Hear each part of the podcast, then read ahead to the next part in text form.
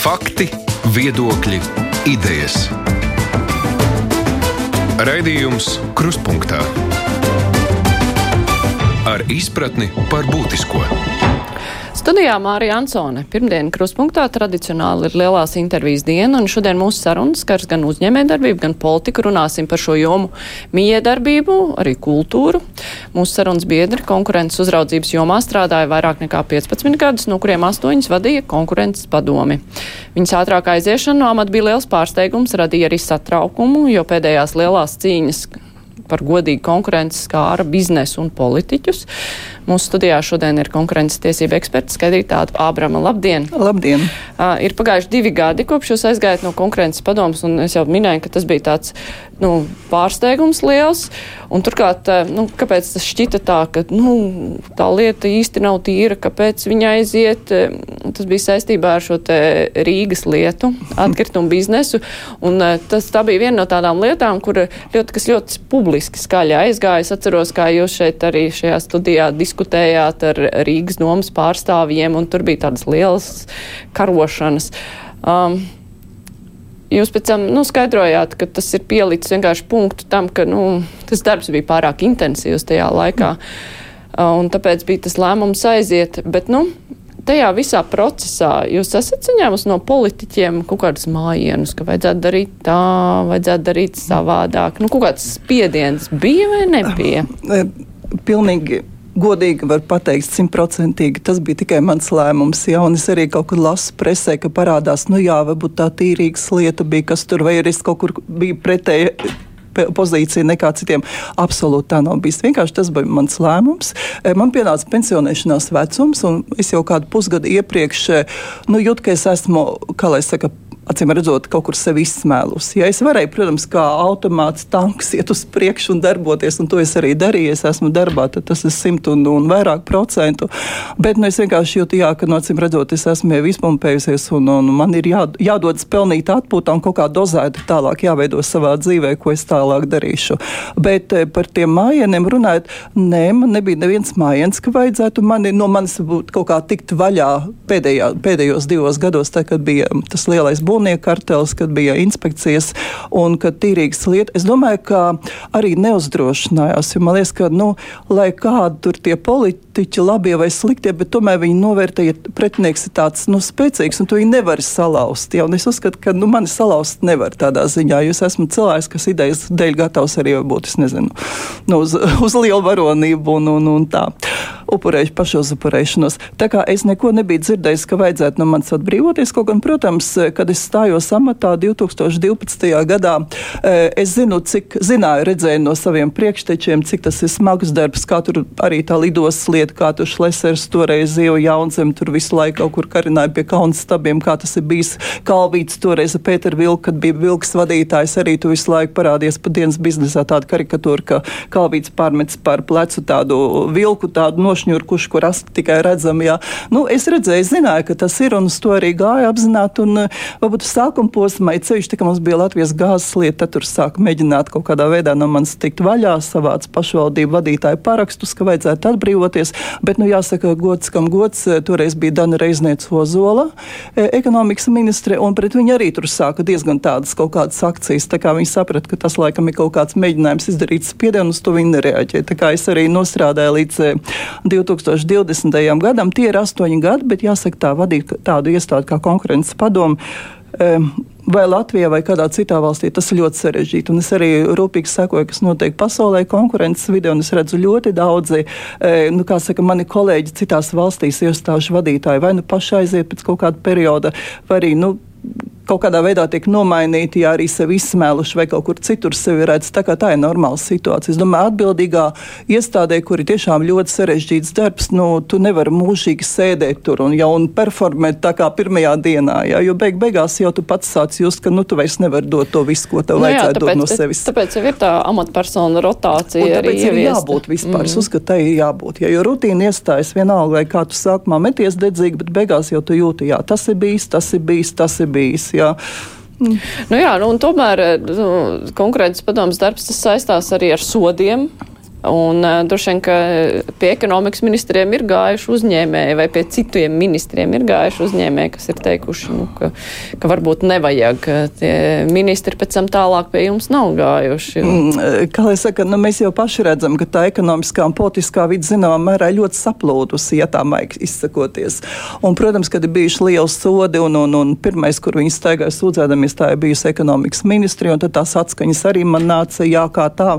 Es pat esmu dzirdējis nereiz tā, ka mēs tur dodam jums vēlēšanām naudu, un jūs tagad šito pieļaut, ka konkurences padomu uzliek sodu. Jā. Nu, tādā ziņā es esmu bijusi vienmēr ļoti tāda imūna nereaģējusi uz to visu, kas tur atskan vai kāds skan. E, dažādas lietas dzirdētas. Ja atceros brīvostas lietā, man arī tur tā atnāca tāda ziņa, ka, nu, ja brīvosta tiks sodīta vai vēl kaut kas tur tāds būs, nu, tad tur, es nezinu, sāksim meklēt, vai tomēr tur nav kaut kādas politiskas intereses bijušas, jā. Un mēs ar kolēģiem paspriedām, es teicu, e, bet no kā baidīties? Jūs e, gribat teikt, ka mums ir politiska interese bijusi ierosināt ceturto pārkāpumu lietu pret brīvostu? Nē, nav bijusi, ja, nu, no kā baidīties? Nu, lai tā izstās dzeltenās lietas un meklē un vēl kaut ko, ja izdodas kaut ko safabricēt vai kā. Tā kā katrā ziņā, jā, tā ir liela problēma. Ja katrā ziņā arī tik mazā valstī, ja, kur tie politiķi un, eka, un ekonomiskie dažādi grupējumi un tie sponsori tik ļoti saplūduši, ka beigās jau viņi nesaprot, cik tālu viņi drīkst iet kaut ko pieprasot, ja, pieprasot, lai būtu viņiem kaut kas labvēlīgi, bet nevis skatoties, kā tas tirgus attīstīsies godīgā konkurences vidē. Tāds ir problēmas, protams. Bet, nu, nu, piemēram, tiek, tiek taisīts šis regulējums par lobēšanas atklātību. Es nezinu, vai jūs esat pētījusi to piedāvājumu, bet, nu, teiksim, tas, ka amatpersonām tur būs atskaits par to, ar ko viņi tikušies, nu, tas tā reāli var vies skaidrību tajā, nu, kā tad mīja darbojas bizness un politika? Nu, es zinu, ka daudzās valstīs, un dīvainā kārtā tas man bija atklājums, ka arī pie Francijā, ja pie Francijas konkurences iestādes vadītāja atnāk kāds ministrs vai ministrijas pārstāvs un sāk par kaut ko runāt, viņš tajā pašā dienā to nopublicēja. Ja? Tā kā tur darbojas tas lobēšanas atklātības ja, princips, vai tas likums vai princips. Es domāju, ka jā, tas noteikti var darboties. Pirmkārt, tādas sarunas, ja kad nāk kaut ko, kaut ko runāt. Nu, es pieļauju, ka var nākt, jā, nozarei problēmas, jā, un domāsim, kā vairāk tur nezinu, investīcijas piesaistīt un tā tālāk. Jā. Ir gan pozitīvā lobēšana, gan arī negatīvā lobēšana. Nu, kaut vai tas pats, ka mēs redzam, kā tur notiek jā, ar azartspēlēm un tādā veidā. Jā.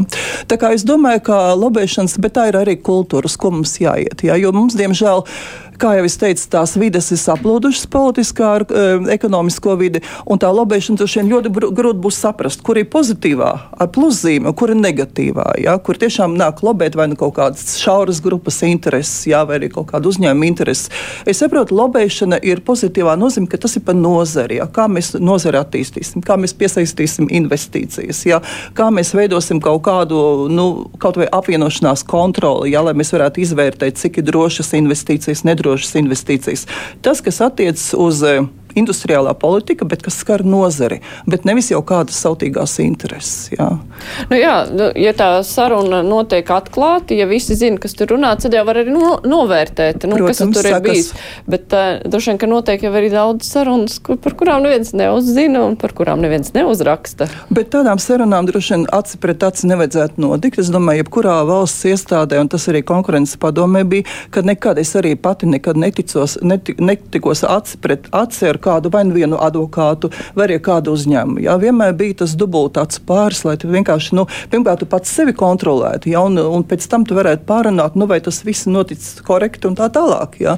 Tā kā līdz ar to es domāju, ka tādas individuālas tikšanās ministram kaut kur pirti ar kādu uzņēmēju, jā, nu, tas ir absolūti nepiedodami, tas ir jāsaprot politiķiem, ka tomēr visām tām darbībām ir jābūt kaut kāda labi, varbūt kaut kādas tikšanās, kur nav jāzina uzreiz tajā brīdī visiem, jā, kas tur notiek ministrs ministru kabinetā kaut kur kaut kas tiek apspriests, lietas, kas nav kur vēl pieņemt lēmumi līdz galam, kas ir diskusija līmenī. Bet e, tomēr šādas sarunas viens pret vienu nav pieļaujams. Rīgā, nu, pēc tam, ka bija šī tīrīgas lieta, liela, nu, kur konkurences padome ļoti cīnījās, uh, tas arī bija viens no iemesliem, kāpēc Saima lēma par Rīgas domas atlaišanu. Jums ir sajūta, ka jūs esat ietekmējis politiskos procesus. Nē, tas tāds, redzot, bija kaut kāda nejauša sakritība. Es atceros ļoti labi, kā gāja, es arī gāju uz ministru kabinetu, kad notika runa par šo tīrības lietu, kad e, Juris Pūts teica ārkārtas situācija jāievieš. Es īsti nesapratu, un es arī tur uzstājos. Es teicu, es neredzu nekādu pamatu ārkārtas situāciju, vienkārši jāsakārto lietas. Jā.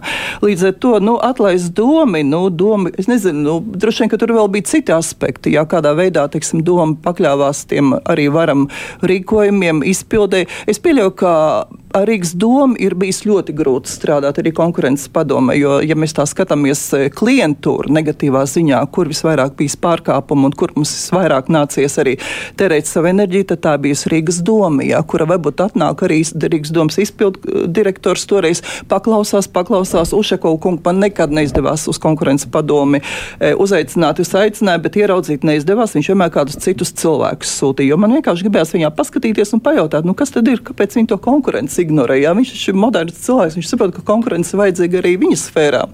Nu, nekad nenāca. Jā. Nu, tie pārstāvji, kas nāca, viņi tur nāca tādi nolaiduši ausis, nolaiduši acis, un es sapratu, nu, kā viņiem liek, tā viņiem ir jādara. Ja? Nu, tā bija tā Rīgas doma.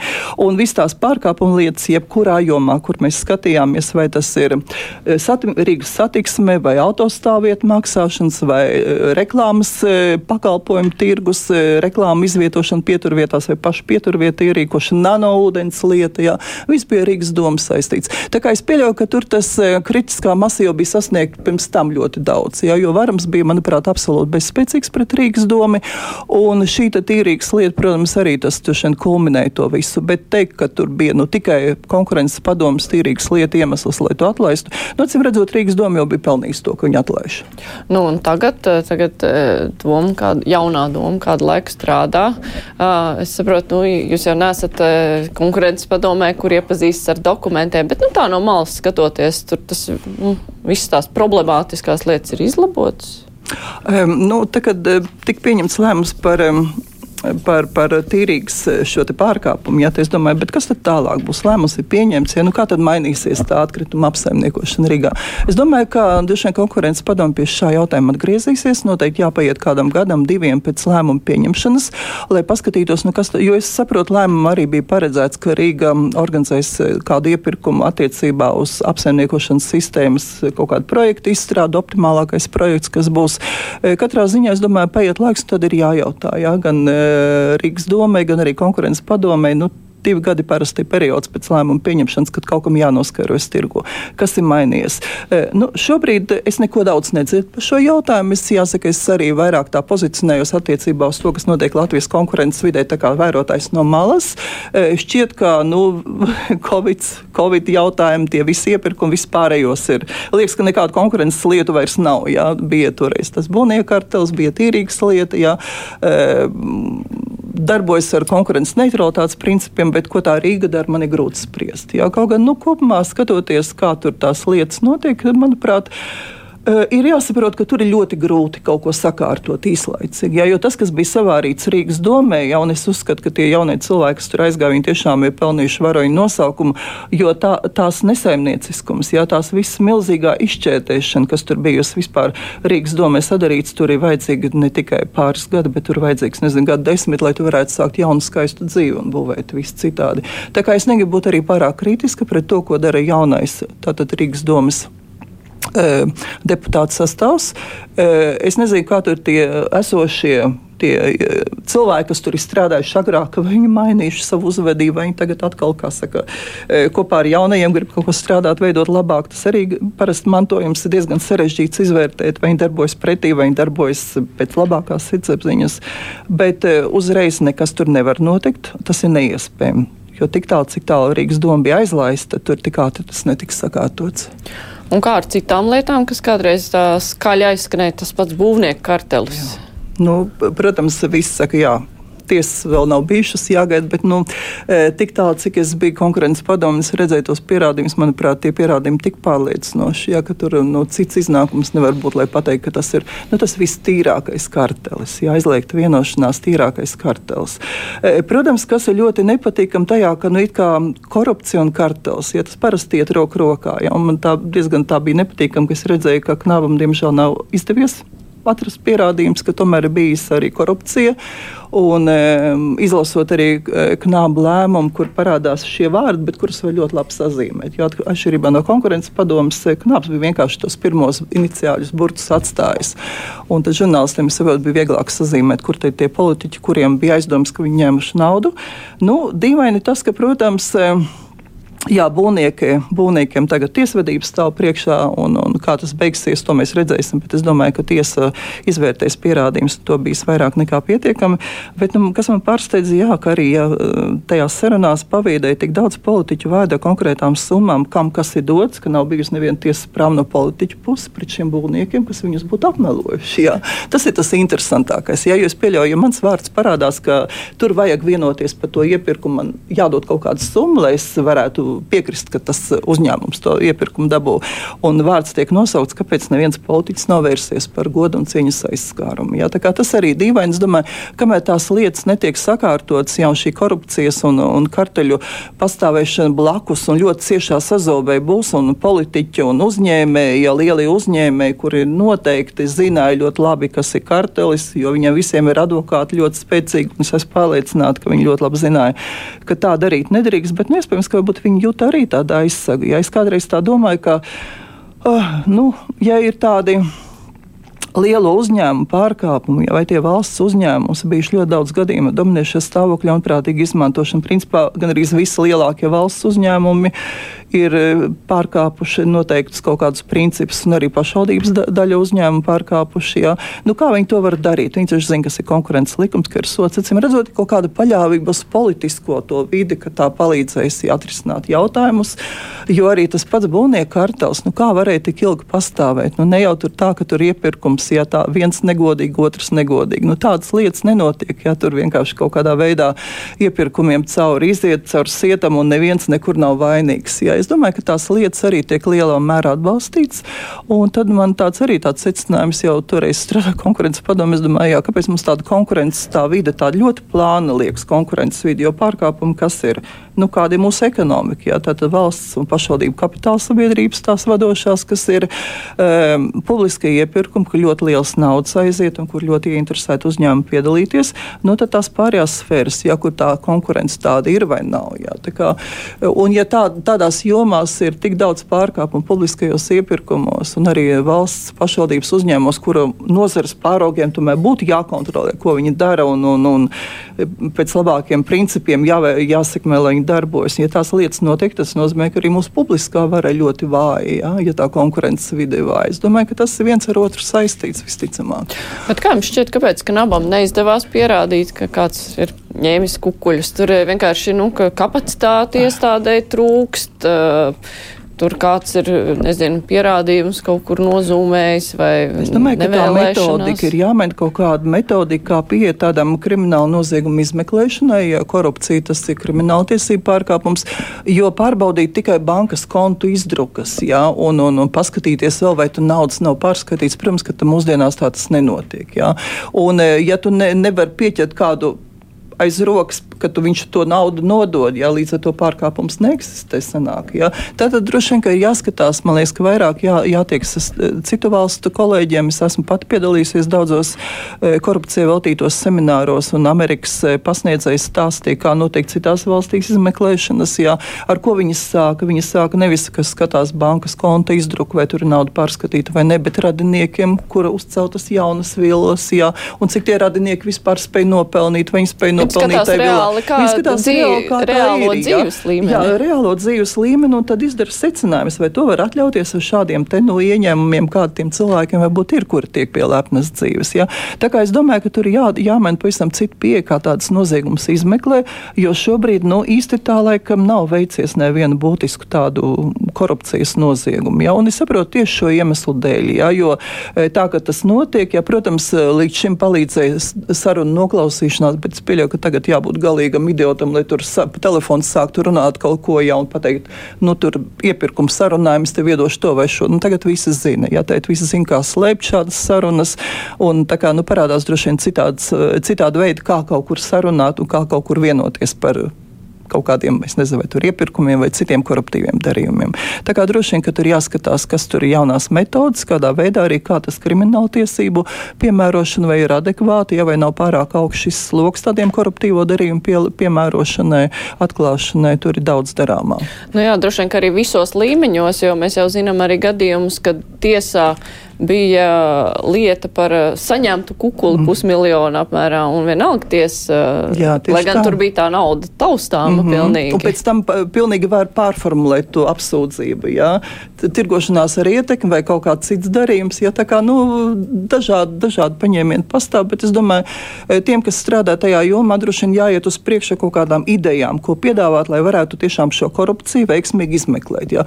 Jo, nu, teiksim, valsts pārvaldē ļoti bieži dzird, jā, bet mēs, ne, mums nav nav likumdevēja kaut kādas pilnvaras, mēs nelēmjam. Nu, konkurences padomē arī tā gluži nebija tās tiesības, ja kaut kādas uh, likumus uh, virzīt, pieņemt un tā tālāk. Bet neraugoties uz to, mēs konstatējam, kas ir Latvijā problēma.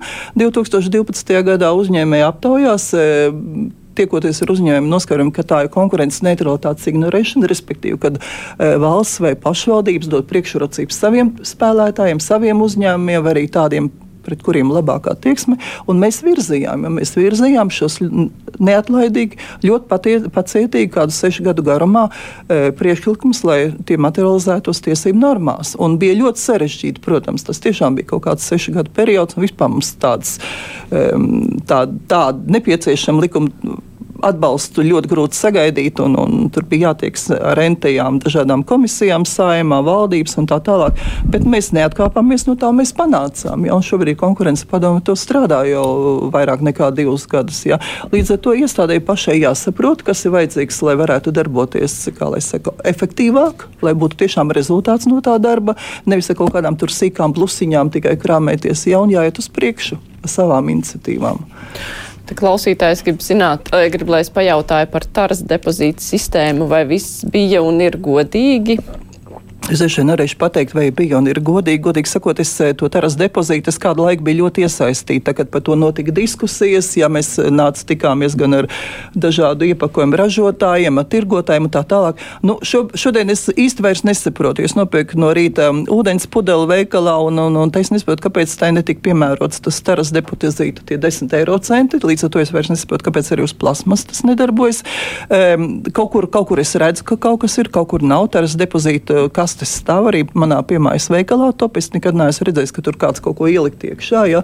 Līdz ar to es domāju, ka tas ir jautājums droši vien, vai godīgi, es nezinu, vai, bet es varētu manā skatījumā, vai tas ir efektīvi. Jo šobrīd man šķiet, ka nu, nav tā visa efektivitāte sasniegt, ko mēs cerējām. Ja? Ļoti, ļoti ilgi uz to gāja, bet laikam tomēr tur īsti kaut kas neveic. Bet tas būtu jautājums varam noteikti. Mm. Jo tas bija kā, nu, tas virzītājs tajā procesā. Mums eh, pirms tam brīvajā mikrofonā zvanīja klausītājs, arī sūdzējās sūdzējās par zālēm, kuras uh, Latvijā dārgākas nekā citās Baltijas valstīs. Viņš tur minēja konkrēts piemērs. Un konkurences padomu savā laikā taču jā, ņēmās jā. ar to.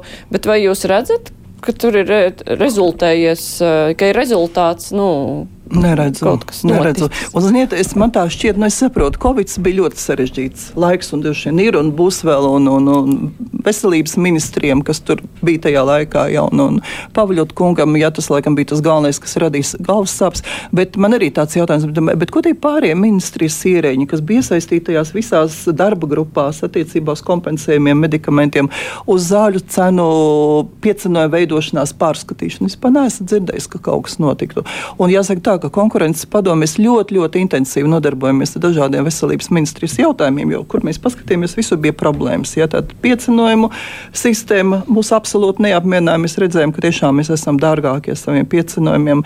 E, privāta prakša veidošanos, publiskā e, veselības centrs, privāta praksa izveidošana ļoti sarežģīta sistēma. Ja.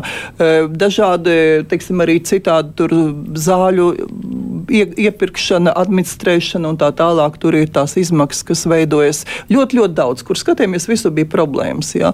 Bet uh, arī tik daudz bijām priekšlikumus sastrādājuši. Un kā nāca jauns ministrs, manuprāt, tur arī manā laikā nomainījās kādi vismaz četri vai pieci ministri. Kā nāk jauns ministrs, mēs visu savu sarakstu iesniedzam un gaidām, kad kaut kas notiks. Jā, jā, jā, jā, jā, jā cik vērtīgi, bet es pats neesmu redzējis, ka kaut kas rezultējies. Nu, tāda ir, diemžēl, valsts pārvalde. Jā, tur nav brīnums, ka daudziem arī ir nolaižas rokas, un tad rodas vēlēšanās aiziet kaut kur citur strādāt. Un saprot, arī veselības ministrija cieši no tā, ka darbinieki aizplūst, aiziet uz privāto sektoru, aiziet zināšanas, jā, un patiesībā sakot, viņi paliek tur pusdarīt visi tie darbi, kas ir bijuši manā skatījumā, es nezinu, varbūt es ļoti maldos, varbūt veselības ministrija tur ir tik daudz sastrādājusi, nepieciešams jauns uh, regulējums, vēl kaut ko, ka visiem būs ļoti skaista un laba dzīve, ja pacientiem, kuriem jāpērk medikamenti. Bet es kaut ko neku neesmu lasījusi neko par to. Bet, eh, nu, cik mēs te runājam par eh, šīm te vecajām lietām un esošo situāciju, vecajām lietām esošo situāciju, nu, ka, nu, tā, tā stingri ņemot, nu, viss jau paliek uz vietas. Nu, varbūt ir kaut kur sodi uzlikti, varbūt būs tiesa kāda, bet uh, kopumā nu, tā kultūra tā ir saglabājusies lielā mērā pēc vecajām tradīcijām. Nē, saprotiet, nu, konkurences iestādē padomē strādā 50 cilvēki. Ja? Un es domāju, tas lauks, ko mēs bijām aptvēruši, un es pieļauju, ka arī šobrīd ar to nodarbojas visiem, tas ir ārkārtīgi plašs. Tā patiesībā sakot, visa ekonomika, visa tautsēmniecība valstī, kur mēs pieķeramies, un tur vienmēr veicam tirgus uzraudzību, arī tā ir pārkāpuma lieta vai apvienošanās lieta, un tas rezultējas arī kaut kādā priekšstatā par tirgu, un kas tur nedarbojas un kas būtu jāmaina. Bet, es saku, nu, konkurences padomu nav viss spējīga, lai visu realizētu. Ja konkurences padomu sagatavo šos savus vērojumus, priekšlikumus un nedod attiecīgajiem sektoru politikas vai nozares pāraugam, lai tie to darbojas. Jā, acīm redzot, tur kaut kas pietrūkst, lai to darītu, ja tālāk eh, at, at, atbildīgiem par to. Nu, Dažkārt, ka konkurences padomu arī vajadzētu atgriezties pie tiem jautājumiem ik pēc kāda perioda, ja vismaz nozīmīgākās lietās. Ja, jo, piemēram, es teicu arī pirms pāris dienām izlasīju, ka um, Par citu jomu runājot, valsts kontrole tātad izpētījusi CSDD ja, tur dažādus viņu produktus, pakalpojumus un cenas. Un konstatējis, ka ļoti augsti piecinājumi. Nu, CSDD ir monopolists, ja monopolistam noteikti ļoti augsts piecinājums. Nu, tas ir vispār zem jebkuras kritikas, jo tur nav konkurences. Jūs esat spiesti pirkt numurzīmes, jūs esat spiesti tur iegādāties to un, un, un visas tās pārbaudas un viss, kas ir vajadzīgs. Nu, lūk, un atkal es redzu tas, ko mēs bijām pētījuši pirms kādiem diviem gadiem, kas vēl strādāja. Numurzīmes Latvijā ļoti sadārdzināts. Ja, un CSDD saka, jā, jā, mēs ņemam ņemsim vērā to, ko valsts kontrols saka. Es tā pie sevis nodomāju, bet konkurences padomu to arī bija teikusi jau pirms kaut kāda laika, bet nekas nav mainījies. Ja? Kā to panākt?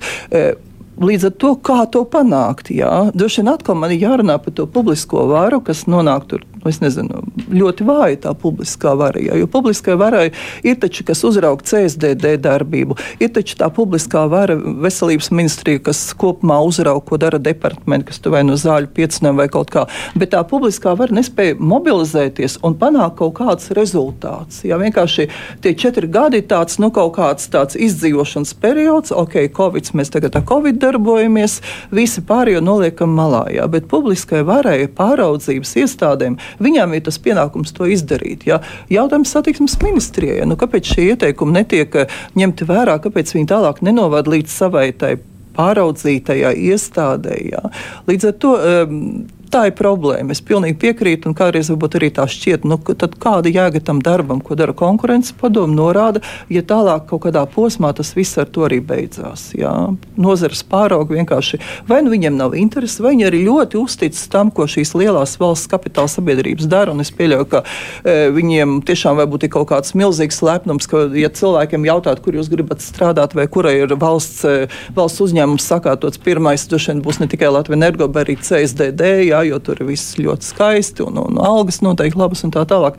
Bet tas mums ļoti dārgi maksā. Jā, šī monopola situācija, ko kāds bauda monopolu, mums kā patērētājiem, klientiem tas ļoti dārgi maksā. Un es domāju, ka e, publiskai varai pārvaldei tomēr vajadzētu domāt, varbūt ne tik daudz, ka tur jā, nodokļi tiek iekasēti un tā, bet ko tas iedzīvotājs no tā visas saņem? Jā? Iedzīvotājiem ļoti dārgi jāmaksā. Jā? Un manā skatījumā tā ir ļoti liela problēma. Ja? Jebkurā jomā, kur mēs skatāmies, finanšu ministrijas sfēra, jau sen ir runāts par to, ja tik dramatiski ceļas gan tie energoresursu cenas un tā tālāk, tā tad bāze veidojas milzīgi, bet tas PVN un visi tie patēriņa nodokļi tāpatās iet virsū. Mēs par to maksājam kā iedzīvotāji. Ja? Tur kaut kāds nolaiž helikopteru naudu, kas noteikti vēl to inflāciju palielina, bet iedzīvotāji neko jau no tā neiegūst, jo tas sadārdzinājums notiek visur. Es domāju, adekvāti ir, ja palielinās bāzes visas izmaksas, pieauga tātad produktu pašizmaksas un tā tālāk, nu tad skatāmies, samazinām arī tos patēriņa nodokļus adekvāti. Ja? Bet par to atkal neviens nedomā. Ja? Nu, finanšu ministrija ir ļoti pret šo, kā vajadzētu. Tāda, ziniet, manā skatījumā tā ļoti grāmatvediska domāšana. Ja? Un, manuprāt, arī tas ir ļoti, kas atšķir mūsu valstī šo te, e, domāšanu finanšu ekonomikas attīstības jomā no citām valstīm. Teiksim, man bijušas daudz tikšanās ar Zviedrijas pārstāvjiem, un tur ir tā, ka tur finanšu ministrija arī tā, kas atbild par valsts ekonomisko attīstību. Man liekas, ja tā ir tā sazobīja, nevis tā kā finanšu ministrija, kā mums, nu, tā trivializējot, es teikšu, ka tomēr tas vairāk domā kā grāmatveži. Mums jāiekasē tik un tik naudas, un tad jāsadala pa šiem te, te, tiem plauktiņiem. Jā. Bet tur ir jādomā vienlaicīgi arī, nu, kā attīstīt ekonomiku, jā, pat arī, kā padarīt to ekonomiku tiešām e, iedzīvotājiem draudzīgāku valstī, ienesīgāku, jā, un tā tālāk. Nevis tikai domāt, kā iekasēt to naudu un kur ko sadalīt. Jā, tā ir tikai viena sfēra sadalīt naudu un, un, kam kur ko piešķirt, bet mums jādomā, kā to naudu valstī radīt, jā, lai iedzīvotāji būtu motivēti šeit to naudu arī kaut kādā veidā radīt un tērēt un, un veicināt valsts labklājību. Tā, tā ir ļoti daudz problēmu, man liekas, arī ko tieši šis te. Pēdējie, pēdējais laiks, ja gan ar Covid, gan ar Ukraiņas kara situācija, man, manuprāt, tā valsts pārvaldē arī ļoti būtiski jāmainās, jo laiks ir ārkārtīgi dinamisks, ir ārkārtīgi komplekss un komplicēts. Mēs nezinām, kas mūs gaida priekšā. Mēs domājam, beigsies Covid, nu tiks mēs skaisti dzīvot atkal, no IKP augsts un viss būs ļoti skaisti. Nekā nāk, nāk kārtējs satricinājums. Ja? Bet mūsu valsts pārvalde, nu tā kā bija, tāpat mēs dzīvojam. Tur bija šī toreiz 6% darbinieku nogriez, samazināja, bet funkcijas nekādas nepārskatīja, tikpat tā birokratizēta, tikpat fragmentēta, kā bija, tā ir. Nu, diemžēl tā efektivitāte arī atpaliek no tā, kam jābūt. Bet nu, kā tām pārmaiņām valsts pārvaldē vajadzētu izskatīties, nu, teiksim, ar kādu mērķi, uz ko, nu, par ko tai vajadzētu? Nu, es domāju, ka tas viens, kas varētu būt mums nepieciešama maza un efektīva valsts pārvalde. Un, ja tur saka pēc darbinieku skaita, saka, ne, ne, mūsu valsts pārvalde nav tik, nemaz tik ļoti liela izplūdusi. Es tomēr apgalvotu pretējo, ka mūsu valsts pārvalde ir ārkārtīgi izplūdusi birokratizēta un patiesībā sakot, ir ļoti apgrūtinoša šāda valsts pārvalde vienkāršam cilvēkam, kas nu, nav strādājis valsts pārvaldē, orientēties, kura iestāde ko dara. Bet tad Kāda ir būtiski problēma? arī pārskatīt šīs funkcijas, jo pirmkārt, cilvēki jau jā, strādā. Es arī bet... ne, es domāju, pirmkārt jāsāk nevis ar to, ka kaut kādas eh, liekās vakances nogriež, bet pirmkārt jāpārskata funkcijas. Valsts pārvaldē ļoti tā, ka ļoti daudzās iestādēs pārklājas. Ja, nu, kaut vai tie paši fondu, fondu piesaistīšana, ja, vai arī e, ministrijām ir padotības iestādes. Padotības iestādes ir tās, kas parasti nu, virza kaut kādas iniciatīvas, ka mums vajadzētu šādu regulējumu vai kaut kādu tādu vai kaut ko citu. Jā. Un tad ministrijai noteikti struktūra vienība, kas to paskatīt, paņem un nes tālāk. Jā, viņi pietiekami nodarbināti, bet tās ir paralēlās struktūras. Valsts pārvaldē šīs visas ministrijas, jā, kas pastāv. E, ja jums vajadzēs kaut kādus datus kaut kur saprast, kur tos dabūt, tas būs ļoti grūti atrodams. Jā, jo pat e, man liekas, ka cik man bija darīšana kādreiz ats, kādā ministrijā, pat viens departaments nezina, ko dara otrs, jā, un kur tie dati ir dabūjami. Es domāju, ka beidzot jāsāk kaut kā komplekss skatīties, jau risināt, tā kā es teicu, finanšu e, joma un ekonomikas joma. Tā ir ļoti saistīta. Tas, ko, teiksim, dara ekonomikas ministrija, tas ir vairāk tāda uzņēmē darbības, ja dažādi, vai tur domāt atbalstu vai kaut kas, bet ekonomiskā valsts virzība, lai tās finanses ienāk, tas ir pavisam kaut kas cits, ko būtu jānodarbojas. Ja? Tā kā jāveido kaut kādas arī sinerģijas. Un, e, kas, e, protams, kas ir ļoti būtiski un kas šobrīd pietrūkst, ārkārtīgi šīs kopīgās analītikas. Jā, jo katra iestāde, katra ministrija, katra padotības iestāde plēš matus no galvas, meklē IT analītiķus, IT datu zinātniekus, e, dažādus e, ekonomiskās analīzes profesionāļus, kas spētu tur simulēt dažādas situācijas. Katra mazā iestādīta, bet nav jau tik daudz to Latvijā. Jau nespēja nevienam tik daudz samaksāt, lai viņš tiešām mēs pārvilinātu kādu no, no, no Savienotajām valstīm vai kādu augstu izglītotāju tīru un ekonomikas e, guru. Līdz ar to dažiem jāveido šīs platformas, kopīgas platformas, vai tās ir tirgus uzraudzības iestādēm vai tiesību sargājošām iestādēm, un jāsāk kopā vairāk darīt. Jā, nevis domāt, kā veidot jaunu kaut kādu ministra posteni, ja, kas absolūti nedarboties. Jo laiks ir cits, te vajag nevis ministru kā cilvēku, kas tur kaut kā dot rīkojumu, bet te vajag tāds, kas spēj strādāt ar bāzēm, jā, datu bāzēm, kas spēj strādāt ar dažādām ekonomiskās analīzes, modelēšanas, simulācijas metodēm, jā, kas spēj ar datiem, e, mākslīgais intelekts, jā, lielie dati. Tas viss tas, kur mēs absolūti neesam gatavi, jā, ka, kad vajadzētu. Un tas, manuprāt, arī spētu šo valsts pārvaldi e, tiešām efektivizēt, jā, jo tad koncentrētos uz būtiskāko, un varbūt tie pārējie, kas tur vajadzīgi, tie tur dokumentu tur sagatavotāji vai tālāk, viņu samazinātos, ja būtu dati, uz kā bāzes kaut kādus regulējumus veidot. Jā.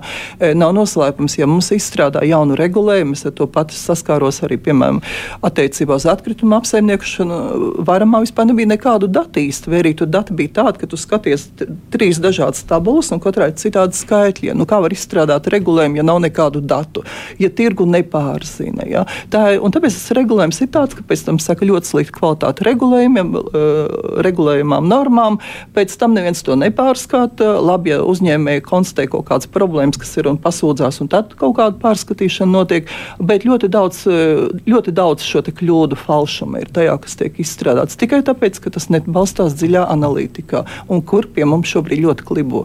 Jo kā var ministru kabinets, vai arī pat sājuma pieņemt kaut kādus jaunus grozījumus, normatīvos aktus bez kaut kādas analīzes, ja, bez tirgus izpētes, bet tādiem žēl notiek joprojām.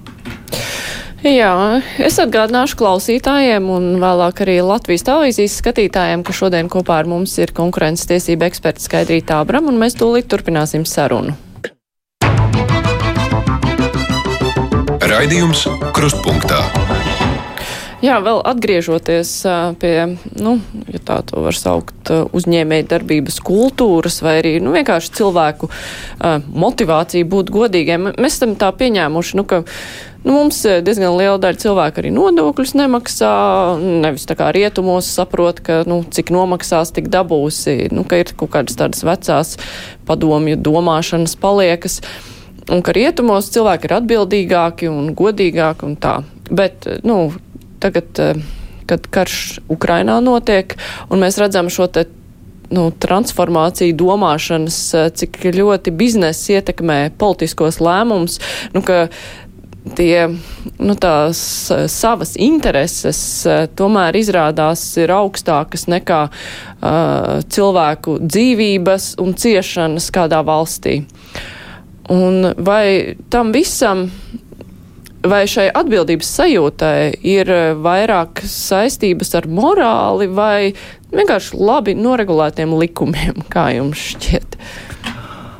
Nu, Dažiem tas ir saistīts. Es esmu ļoti daudz dzirdējis, kas saka, jā, es nemaksāšu nodokļus, jo tā nauda tiek izplakarēta un tā tālāk, kam es nevarētu piekrist. Bet, nu, kas zināmā mērā varbūt arī būtu, ka cik tā nauda tiek tērēta. Jā, jo vēl nesenā pagātnē mēs redzējām, snāk deputāti un 20 miljonus tā aizsūta pa pieskarijām, vai arī tāpat situācija, kad visa valsts šobrīd savalk jostas un, un domā, kā tālāk dzīvot. Ja valdības pārstāvis saka, jā, bet mums likumā pateikts, jā, ka mums ir jāpaukstina e, atalgojums proporcionāli tātad tās minimālās algas pieauguma tā tālāk. Kaut gan es domāju, atteikties var vienmēr, jo arī konkurences padomē bija koeficients, bet ko mēs nepiemērojam, jo naudas nebija, un mēs sapratām, naudas nav, nekāds koeficients īsti nedarbojas, kaut uz papīra ir. Bet, um, Nu, jā, runājot par to, kas tas ir, e, arī par tiem nodokļiem skatoties, jā, kas Ukrainā, jā, kas Ukrainā un kas tālāk būs. Bet es, teiksim, nu, karu Ukrainā gribētu šeit nolikt malā, bet vienkārši runāt par to sistēmu. Jā, kāpēc nemaksā nodokļus? Es domāju, liela daļa nemaksā nodokļus, tāpēc, ka tā sistēma ir tik sarežģīta, jā, un tā sistēma nav draudzīga nodokļu maksātājiem. Un es tā pie sevis domāju, nu, ja nevar no tiem mazajiem iekasēt nodokļus, nu, tad radiet kaut ko šausmīgi vienkārši. Jā. Nu, eksperimentēsim. Jā, nu, paņemsim, uztaisīsim eksperimentu. Mūsu valstī vispār kaut kā teiksim, ar tiem inovatīviem eksperimentiem īpaši neveicis. Ja vienīgais, manuprāt, eksperiments bija pirms daudziem gadiem, kad samazināja vietējiem dārzeņiem un augļiem nodokli, pievienotās vērtības nodokli uz 5%. Tas bija vienīgais eksperiments, lai paskatītos, kas mainās. Bet es domāju, jā, nu eksperimentēsim. Ja valsti nu, neveicas, nu gadiem ilgi neveicas pelēkā zona, pelēkā ekonomika, nu tad nosakām, pareiķinām, pakalkulējam, pa, pamodelējam, e, kad būs lielāks ienākums, ja būs noteikts kaut kāds nu, tādiem pašnodarbinātiem un citiem, kas tur kaut kur individuāli darbojas, kaut kāds nodoklis no neliels nodoklis no neliela kaut kāda ienākuma līmeņa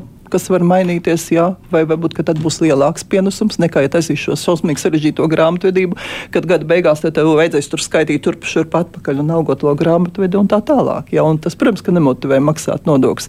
Tā kā es domāju, ka noteikti ka valsts pārvaldēm vispār valdības līmenī arī jābūt vien daudz inovatīvākiem, nevis laiku iet tajās sliedēs ēna ekonomika, nu tik mēs te tur kratīsim, nu mēs tur taisīsim vairāk dažādas uzlidojumus, skatīsimies, kas maksā, nemaksā, bet uztaisām eksperimentu un atbrīvojam kaut kādus no augstām nodokļu maksām, bet paskatāmies, cik valstī ienāks. Es pieļauju, ka pat ienāk droši vien vairāk. Ja?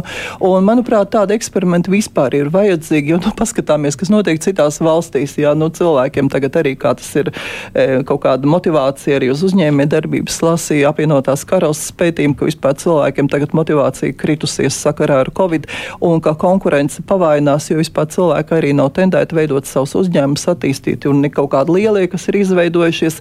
Un tad tur mazie, kurus varbūt tie lielie kaut kādā veidā nu, nopērk, pārpērk un tā tālāk. Un vispār diezgan beidīga situācija, ja, tas, ja to saka arī apvienotā karalistē nopietnā pētījumā, kas notiek Latvijā šobrīd. Jā.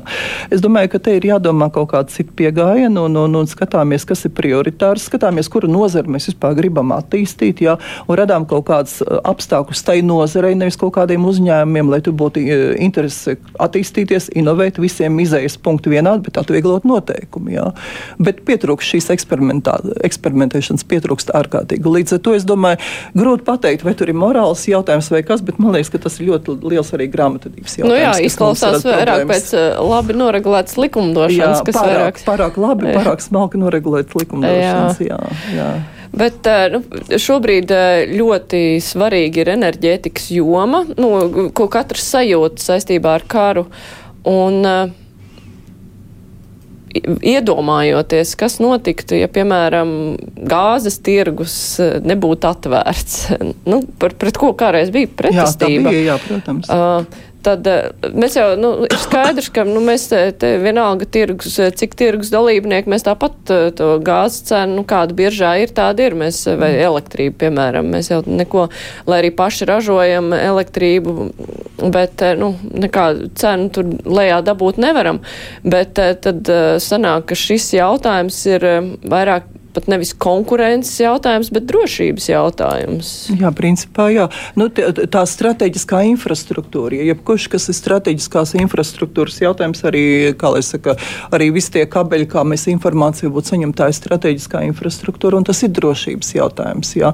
Un tāpēc arī es domāju, tie, kas atbild par šiem strateģisko infrastruktūru, drošības jautājumiem, tomēr ir jābūt kaut kādai riska vadībai. Tas ir nu, nākamais, ko es varētu pateikt, kas mums tātad pietrūkst klibu analītika, mums ārkārtīgi ārkārtīgi arī klibo risku vadību. Jo, protams, ka tagad tas ir it kā muļķīgi teikt, jā, kāpēc e, Klaipēda varēja toreiz šo te, to kuģi izveidot jā, ar sašķināto naftas gāzi, un kāpēc mēs to nevarējām izdarīt. Jā. Nu, Droši vien, ka ļoti, ļoti liela ietekme bijusi, protams, e, biznesam no Krievijas, un arī gāzai no Krievijas, un lobbyis ir spēcīgs bijis, un tagad droši vien pie tādas sasistas silas jāmēģina kaut ko strauji risināt. Bet es domāju, ka e, te droši vien, ka mums tomēr jāskatās nu, mūsu mazā mazais Latvijas tirgus. Mums noteikti jāskatās tomēr kopā Baltija, Lietuva un Igaunija. Kopā kaut kas jāveido, jā, vai tā ir kaut kāda atomu atom stācija vai kaut kas tāds, jā, bet tur noteikti jāskatās kaut kā plašāk, jo nu nevar tādā mazā, nu mēs esam ārkārtīgi mazi, ja mēs esam ārkārtīgi mazi un mēs arī, ja mēs nespējam modelēt, ja mēs nespējam vadīt riskus, mēs nezinām, kā tas tālāk attīstīsies. Vai būs eh, kaut kādi citi mm, enerģētikas resursi pieejami, vai kas būs pasaulē notiks, jā.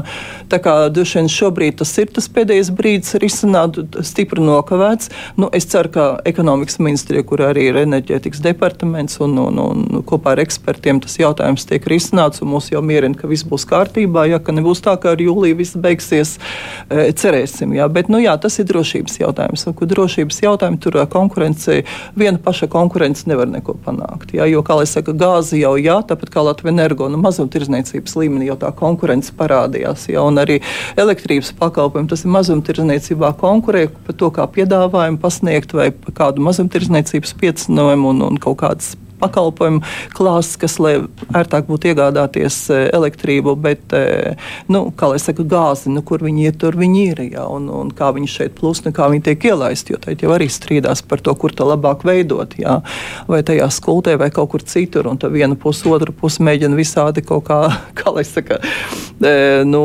parādīt savu priekšrocību, kuras nezinu, kur ir patiesība, jā, vai patiesība pa vidu, vai patiesības tur vispār nav. Nu, degviela tas ir arī atsevišķs stāsts, eh, ka tur arī cenas ir dubultojušās, ja mēs salīdzinām pirms eh, kaut kāda laika. Uh, tur arī nu, skaidrs, kādas cenas biržā tādas ir, tādas ir, bet nu, tādi satricinājumi jau ir arī iespēja nopelnīt bieži vien arī konkurences padomu kādreiz skatījās, nu kā tas ir, ka visi reizē hops mm -hmm. cenas augšā, cenas lejā. Nu, jā, nu, redziet, Bet tur kaut ko vispār var jā. pierādīt. E, nu, konkurences padomu uz cenām mēs tātad nedzīvojam regulētu cenu tirgu atsevišķas nozares, ko sabiedrisko pakalpojumu regulators pieskata un kura būtu tiek regulēta kaut kādas e, izmaksu struktūrā, kaut kādas daļas, bet mēs skatāmies uz cenu kā konkurences esamības vai nesamības rezultātu. Jā. Un, e, nu, degvielas tirgu, jā, nu, es domāju, jā, tā konkurences padoma laikam ir uzsākusi tirgus uzraudzību. Nu, manā laikā ir bijušas divas ļoti nopietnas izpētes lietas un entās tirgus uzraudzības. Un manā skatījumā degvielas tirgotāji jau ļoti labi saprot, ka viņi vienmēr ir zem lupas. Ja kā ceļās degvielas cenas, tā vienmēr sāk politiķi pirmie, kas runā, ja vai tur nav kartels, vai tur vēl kaut kas nav. Un gan 6. gadā bija, gan 2012. gadā bija degvielas. E, pētījām lietas, jā, vai tur nav aizliegta vienošanās, datu apjomu milzīgi tika izanalizēta, inspekcijas rīkotas, stratēģijas pētītas, viss kaut kas nu, neatklājām, nekādu aizliegtu vienošanos neatklājām. Un, ja tā padomā, nu, ko tur aizliegtu vienosies gal galā, ja tā sauktā inteliģentā pielāgošanās, viens benzīna tanks, otrs benzīna tanks konkurējošies, tu izēj uz ielas, redz, ko tas tur dara, otrs attiecīgi reaģē, tas paceļ, es arī varu pacelt kaut kādā zināmā robežā, tas nolaižas arī nolaižu.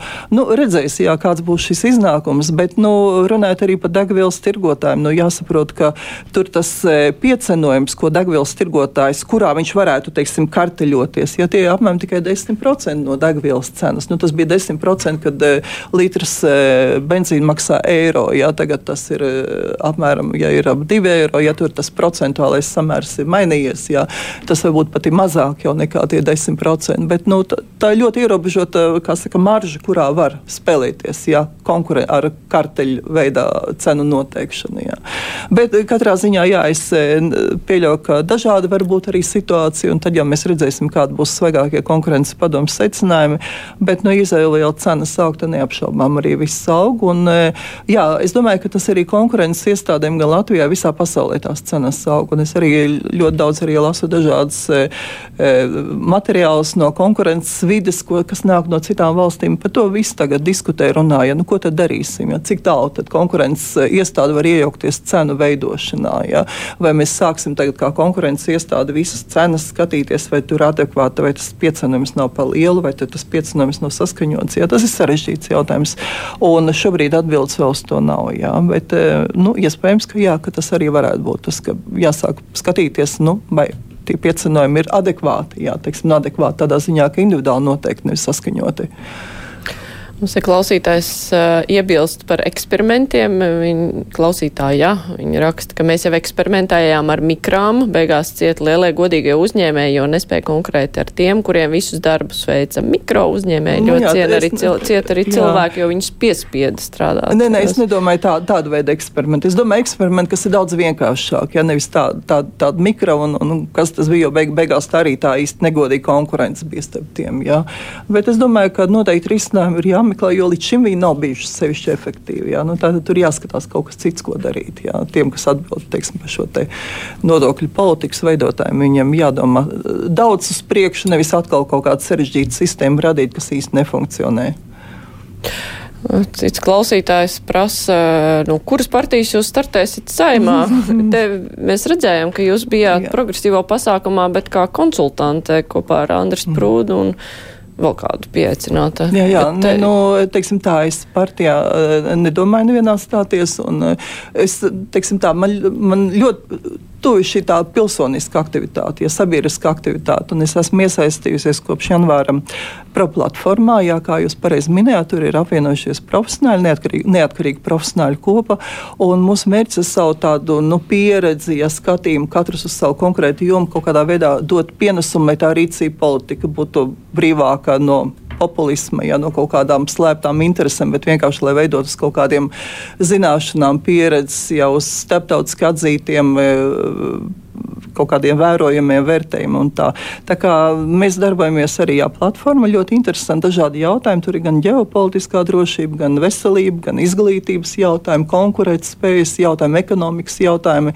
Un vislaicis arī daži no platformas biedriem startēs, jā, bet nu, startēs visticamāk būs ar progresīvajiem, jo tas ir arī atbalsts progresīvo partijai, progresīvā, un es arī biju toreiz, kad man pamanīja, ka es esmu iesaistījusies šķiet kaut kādā aktivitātē apmeklēju progresīvo um, kongresu. Jāsaka, jā, simpātiski jauni cilvēki, un kas man ir svarīgi arī tiksim, sadarboties ar tādiem, ka neviens no viņiem iepriekš eh, manā profesionālajā darbībā nav bijis tā sakot klientu lomā, ja ne ar kaut kādās pārkāpuma lietās, ne arī kaut kāds aizdomas nav bijis viņam. Līdz ar to es varu arī tīri sirdi viņam sadarboties un, un sniegt kaut kādas no savas zināšanām un pieredzes kaut ko, kas varētu būt noderīgs. Bet pati jūs uz saimnu nekandidēsiet? Nē, es nekā, ne, man, manī nav šie, šo politisko ambīciju, diemžēl, ja varbūt tā, bet man patīk arī profesionāls lietas darīt un, un, un ar pilnu atbildību un arī dot tālāk savas zināšanas. Jā, e, ļoti labprāt ja, dalos un, un, un arī joprojām es, nu, kā neatkarīgs konkurences tiesību eksperts ne tikai Latviju, bet arī starptautiski un labprāt, ja man zvana un jautā, vai tur e,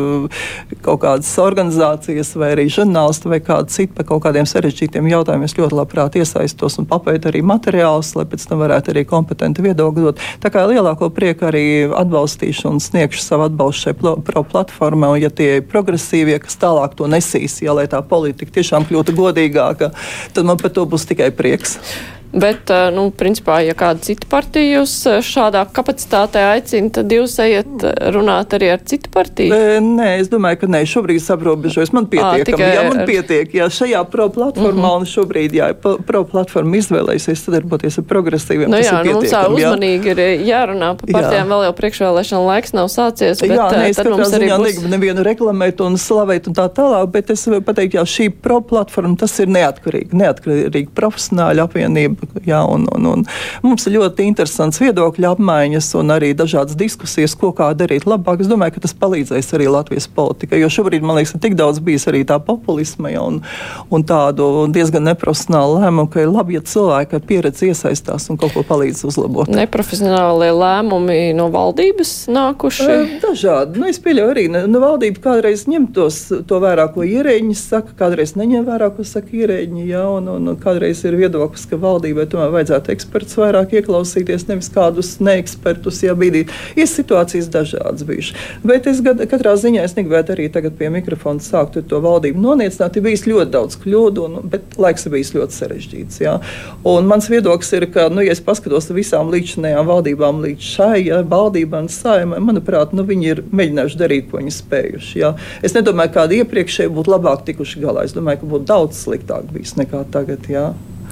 Jā, labi. Mums arī sarunai atvēlētais laiks ir beidzies. Es saku paldies. Šodien kopā ar mums bija konkurences tiesība eksperts Skaidrīta Abrama, bijusī konkurences padomas vadītāja, bet raidījums ar to arī izskan. Šo raidījumu producēja Loreta Bērziņa, studijā bija Māra Jansona un mūs. Jūs varat klausīties arī mūsu jaunajā lietotnē, lai jūs pielādējiet to, ja ir iespēja un vēl nav izdarīts, un tad varat klausīties gan tiešēdē, gan ierakstā. Visu labi, tiekamies rīt! Latvijas radio jauna lietotne, ziņas, mūzika, 200 dažādu raidījumu un visu Latvijas radio kanālu tiešraides. Radi pats savu radio! Veido savu raidījumu atskaņošanas sarakstu. Mēs tikai ieteiksim to, ko vērts nepalaist garām. Latvijas radio lietotni meklē App Store vai Google Play. Lejupielādē to savā telefonā un klausies Latvijas radio saturu savērtā laikā un vietā. Latvijas radio lietotne pieejama bez maksas un reklāmām. Latvijas radio veicina kritisko domāšanu un saturīgu brīvā laika pavadīšanu.